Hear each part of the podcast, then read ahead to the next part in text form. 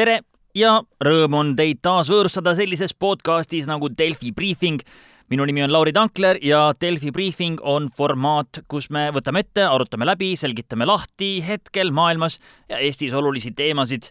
me oleme siin rääkinud väga paljudest erinevatest teemadest, kergejõustikust suhkrumaksuni ja täna, täna võtame jälle, jälle ühe keerulise teema ja püüame seda teha lihtsaks ja arusaadavaks. nimelt Ameerika Ühendriikides kirjutas president Donald Trump alla eelnõule, millega seati uued majanduspiirangud ehk sanktsioonid Venemaale, aga ka Põhja-Koreale ja Iraanile. uues eelnõus on detailne loetelu, mille puhul peaks USA president kas kohe kehtestama või kaaluma uute sanktsioonide kehtestamist Euroopa Liidu jaoks üheks kõige olulisemaks ja keerulisemaks punktiks on see, et näiteks võib USA kehtestada sanktsioonid ka ettevõtetele, sealhulgas Euroopa ettevõtetele, kes osalevad Venemaa energiaprojektide ehitamises. sisuliselt tähendab see seda, et kui sa oled mingisugune ehitusfirma, kes aitab ehitada gaasitoru Venemaalt Saksamaale, näiteks seda Nord Stream kahte, võib USA seada sulle mingid majanduslikud sanktsioonid aga astume nüüd paar sammu tagasi, sest ega tegemist ei ole esimese korraga, kui USA või siis ka Euroopa Liit koos USA-ga Venemaale sanktsioone kehtestab. tuletame meelde, kuidas me oleme siia jõudnud. esimene ring sanktsioone kehtestati USA poolt Venemaale kahe tuhande neljateistkümnendal aastal kevadel, siis kui Venemaa otsustas annekteerida Krimmi poolsaare Ukrainast Need sanktsioonid olid siis, kuidas nüüd öelda, raamistikuks ja andsid tollasele USA presidendile Barack Obamale võimaluse ükshaaval lisada inimesi nimekirja, kellele kehtestatakse sissesõidu, sissesõidukeeld USA-sse ja kelle varad USA-s külmutatakse. näiteks sattusid sellesse nimekirja endine Ukraina president Viktor Janukovitš, asepeaminister, tähendab Venemaa asepeaminister Dmitri Rogozin ja mitmed Krimmi uued juhid. aga tegemist oli üksikute isikutega ja Euroopa Liit oma poolt siis ka panustas ja lisas samuti hulga nimesid oma nimekirja. seejärel, kui Venemaa hakkas toetama Ida-Ukrainas separatiste ja ise seal ka natukene möllama, ütleme niimoodi, äh, tegelikult jah, ikkagi äh, sõdima, äh, siis seati piirangud teatud Venemaa majandussektoritele. Venemaa kaitsetööstuse ja energiatööstuse ettevõtetele ei lubatud USA pankadel enam laenu anda, Euroopa Liit tuli ka nende meetmetega kaasa seejärel kehtestati veel uued sanktsioonid selle eest, et Venemaa jätkuvalt oli äh, Ida-Ukrainat destabiliseerimas ja nendest sanktsioonidest räägitakse meedias vähemasti siis siiamaani kõige enam. Need olid siis Minski kokkulepete ja Minski teiste kokkulepete äh, nendest sõltuvad sanktsioonid. ehk siis, mis nõuavad äh, osapooltelt Ida-Ukrainas sõjategevuse lõpetamist ja taandumist ja, ja et, et need on siis, need sanktsioonid olid siis sellest sõltuvuses. USA ja Euroopa Liit on iga natukese aja tagant seejärel kas oma sanktsioone uuesti uuendanud või isegi laiendanud või uusi nimesid lihtsalt nendesse lisanud. kuid need olid selgelt sellised sanktsioonid, et kui käitumine paraneb, leevendatakse ka sanktsioone. Venemaa ise vastas sanktsioonidele sama, samuti. samuti piiras teatud isikute liikumisvabadust Venemaal, seejärel keelas lääneriikidest teatud toiduainete impordi äh, ja see on siis äh, mõjutanud, ütleme, Euroopa Liitu ehk kõige enam. siis tuli järgmine raund. paar nädalat enne oma ametist lahkumist otsustas USA president Barack Obama äh, kahe tuhande kuueteistkümnenda aasta äh, detsembri lõpus riigist välja saata kolmkümmend viis Venemaa diplomaati, sulgeda kaks Venemaa poolt kasutatavat hoonet seoses Venemaa sekkumisega USA valimistesse sanktsioonid kehtestati ka veel Föderaalse Julgeolekuteenistuse FSB vastu ja Venemaa kindralstaabi luurepeavalitsuse GRU vastu. see tähendab, et USA ettevõtted ei tohi nendega äri teha, pangad tehinguid teha ja nii edasi. Venemaa otsustas sel hetkel, eelmise aasta lõpus, et nad on sel ajal suuremeelsed, kedagi vastukaaluks tol hetkel välja ei saada.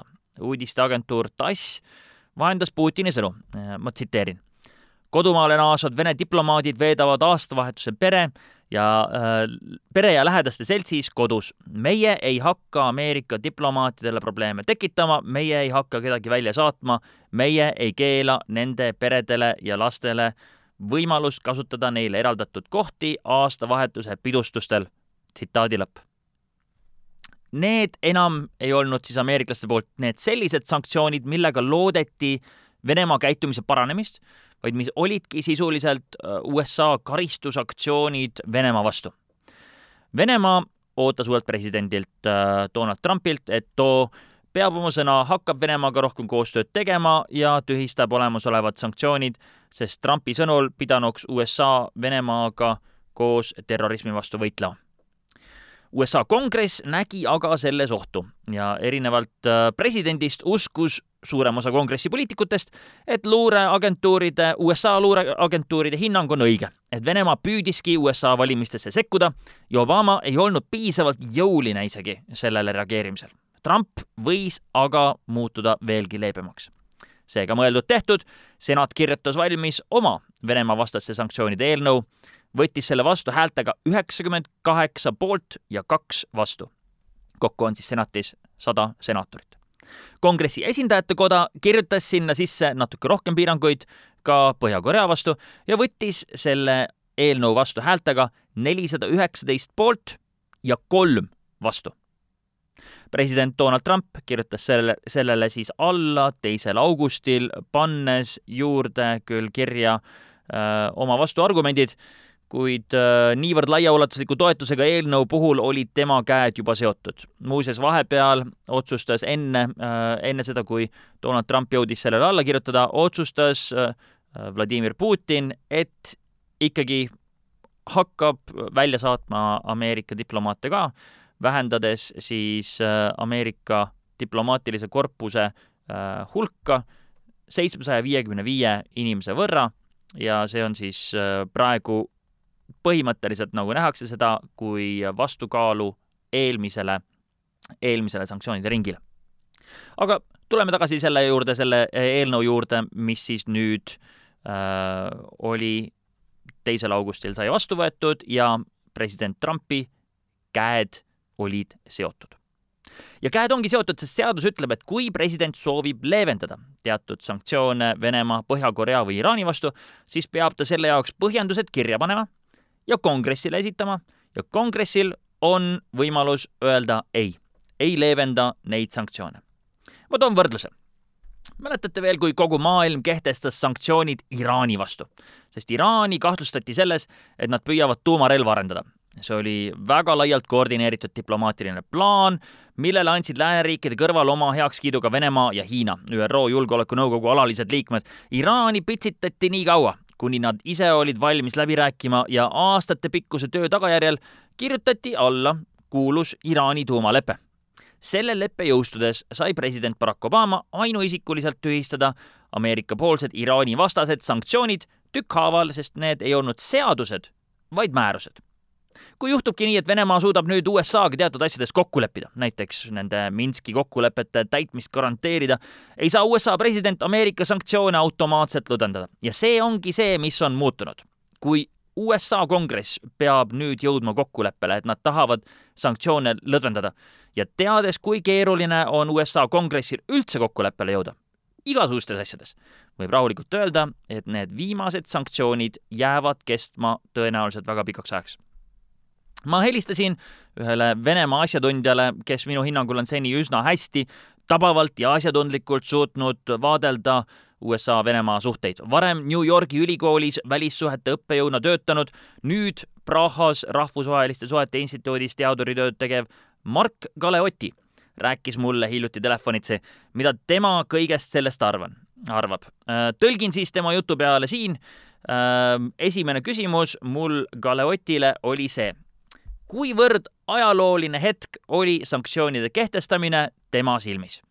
Well, I mean, I think let's let's disaggregate two things in terms of the actual sanctions themselves. me peame vaatama neid kahte asja eraldi. sanktsioone endid, mis on küll märkimisväärsed, aga mitte kriitilise tähtsusega, ja sedasama uut mehhanismi, mis nõuab, et kongress peab olema see, kes sanktsioone leevendab. me oleme jõudnud olukorda, kus sanktsioonide režiimi oleks olnud niikuinii keeruline leevendada aga ma päris kindlasti, kindlasti arvan, et kongressi paika pandud nii-öelda lapselukk kindlustab selle, et sanktsioonid kestavad kindlasti väga pikka aega. muidugi aitab kaasa see, et Venemaa tõenäoliselt ei ole Krimmist lahkumas, kindlasti mitte sel ajal, kui Putin võimul on, aga suure tõenäosusega ka pärast seda mitte siiamaani oli vähemasti olemas mingisugune võimalus osaliseks sanktsioonide leevendamiseks juhul, kui näiteks Donbassi suhtes Ukrainas mingisugune lahendus leitakse. kuid uute sanktsioonide puhul on tegemist tagasivaatavate meetmetega. Need ei ole sellised, et me kehtestame piiranguid seni, kuni te hakkate tegema õiget asja, vaid sellised, et te tegite midagi pahasti ja nüüd me karistame teid. see on oluline erinevus. Mark, president Donald Trump ütles ise, et kongress on tema käed sellega sidunud. kui palju võib see hakata muutma Ameerika Ühendriikide välispoliitikat üldiselt? Ausalt öeldes ei olnud minu arvates lähemas tulevikus Ukraina ja sanktsioonide osas oodata mingeid positiivseid arenguid. seega, kas Trumpil on õigus, et see sanktsioonide seadus võtab temalt tegevusvabadust ära? muidugi on ja see oligi kogu asja mõte. on see kongressi süü? Kongress poleks seda ju niimoodi teinud, kui Trump oleks ise jaburalt käitunud ja imelikke asju öelnud Venemaa ja Putini kohta. seega saab Trump ainult iseennast süüdistada. süüdlasest hoolimata tundub mulle, et see käik muudab täielikult kogu sanktsioonide režiimi ja selle aluseks olevat poliitilist majanduslikku konflikti. Regime and the kind of political economic conflict that underpins it. Mark, te kirjutasite ühes artiklis, et Vladimir Putini vastulöök USA diplomaatilise esinduse vähendamine Venemaal tundus olevat vastumeede pigem eelmistele sanktsioonidele, mis seati president Barack Obama poolt eelmise aasta lõpus. mida saab Venemaa veel teha, mis hoovad neil alles on?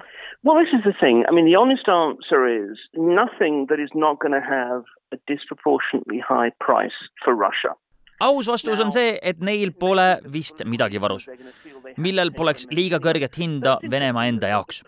võib-olla nad võtavad veel poliitilistel põhjustel midagi ette, kuid huvitav oli vaadata, kuidas Putin nädal tagasi pühapäeval üsna otseselt välistas uued vastumeetmed juhul, kui midagi uut ei tehta. samuti on sümboolne see, et just nimelt Dmitri Medvedjev, palju vähem oluline tegelane valitsuses, oli see, kes väga jõuliselt rääkis majandussõjast. see viitab, et nad kavatsevad sõnades olla karmid, kuid mingeid uusi meetmeid oodata ei ole. kui vaadata, mida on neil üldse võimalik ette võtta, siis kõigepealt on neil majanduslikud meetmed. tõsi on see, et paljud USA ettevõtted on Venemaal aktiivsed ja suure turuosaga, räägime kas või Apple'ist ja Google'ist või McDonaldsist ja Mastercardist, aga kui vastumeetmed võiksid ka neid ettevõtteid häirida, siis see pole märkimisväärne. Venemaa pole suurte firmade jaoks niivõrd suureks faktoriks.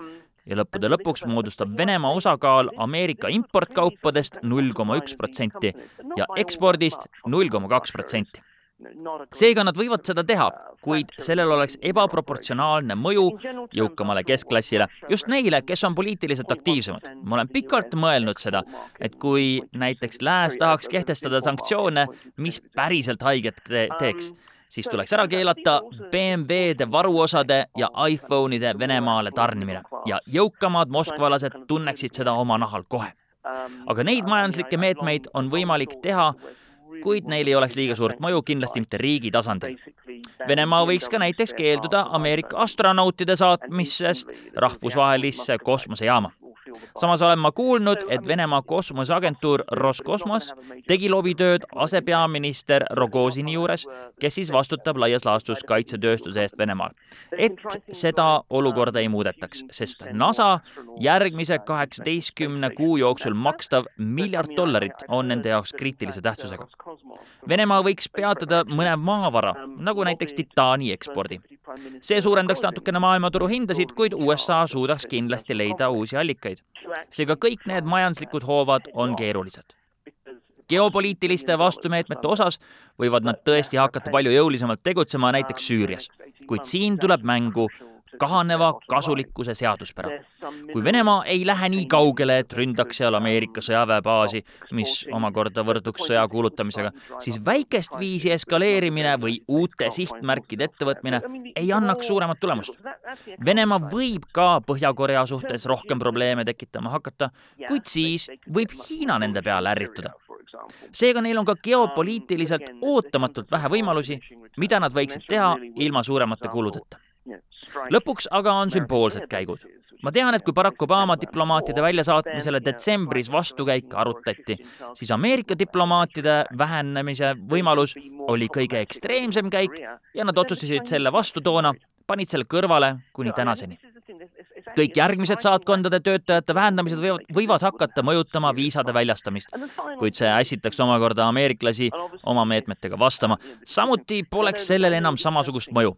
ühel korral on sellel suur tähelepanu, kuid uuesti tehes ei vii see sind enam kuhugi seega on keeruline ennustada, milliseid sümboolseid asju võiksid nad edaspidi teha, millel oleks suurt mõju ja kui nad juba sümboolselt vastama hakkaks, on neil tulemas ka jalgpalli maailmameistrivõistlused, millel on Venemaa jaoks nii prestiiži kui ka majanduslikul puhul kasutegur. Lääne, Lääne jaoks oleks see üks uus potentsiaalne sihtmärk olemas, kui Venemaa tahab sümboolseid vastukäike teha. Lääs võib piirata oma jalgpallimeeskondade mineku maailmameistrivõistlustele või piirata inimeste liikumist sinna kuidagi muud moodi seega tahtmata kuidagi kaasa tunda Putinile ja tema sõpradele, on selge, et nad on olukorras, kus igasugune eskaleerumine läheb neile endale kalliks maksma. Ukrainas võivad nad veel aktiivsemaks muutuda, kuid ka seal pole nende jaoks odavaid lahendusi.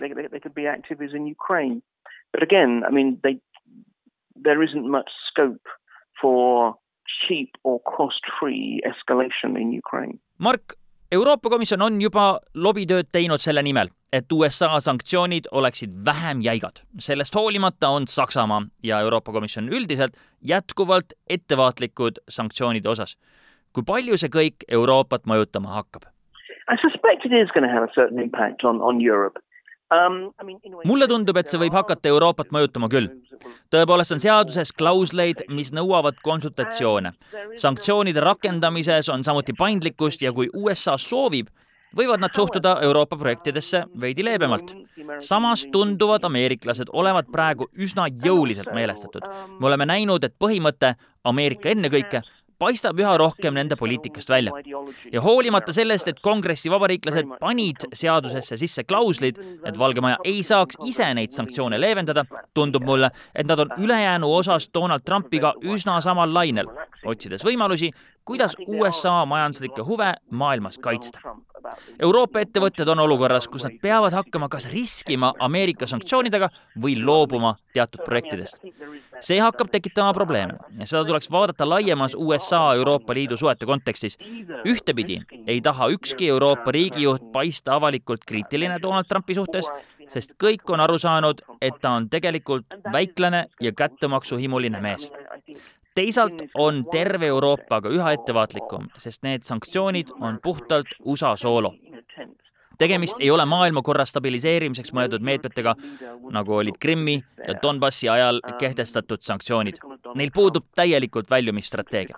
varasemad Krimmi ja Donbassi sanktsioonid olid üsna selged. Need pandi paika, kuna juhtus asi X. kui sa enam asja X ei tee, siis me leevendame sanktsioone. Need uued sanktsioonid on aga nii laiaulatuslikud, et mitte ainult venelased ei arva, et me, need, need jäävad igaveseks paika, vaid ka eurooplased peavad nendega kuidagi hakkama saama. see on väga suur muutus ja näide sellest, kuidas ameeriklaste vimm Putini vastu mõjutab nüüd kogu maailma. It is, shall we say, a distinct shift. It's an internationalization of America's very personal grudge with Putin. Suur aitäh Markale Otile, sest sellega meie intervjuu piirdus ja sellega piirdume täna ka Delfi briifingus. kuulake meid oma lemmikpodcastide äpist, õpetage emad, isad, vanaemad, vanaisad samuti podcast'e kuulama, sest kui teie tellite podcast'i endale nutiseadmesse või arvutisse, äh, tuleb järgmine saade juba automaatselt teieni, samuti saate lihtsa vaevaga kuulata ka meie varasemaid saateid igal juhul ütlen ma teile aitäh kuulamast, mina olin Delfi ja Eesti Päevalehe vanemtoimetaja Lauri Tankler ja ma soovin teile head päeva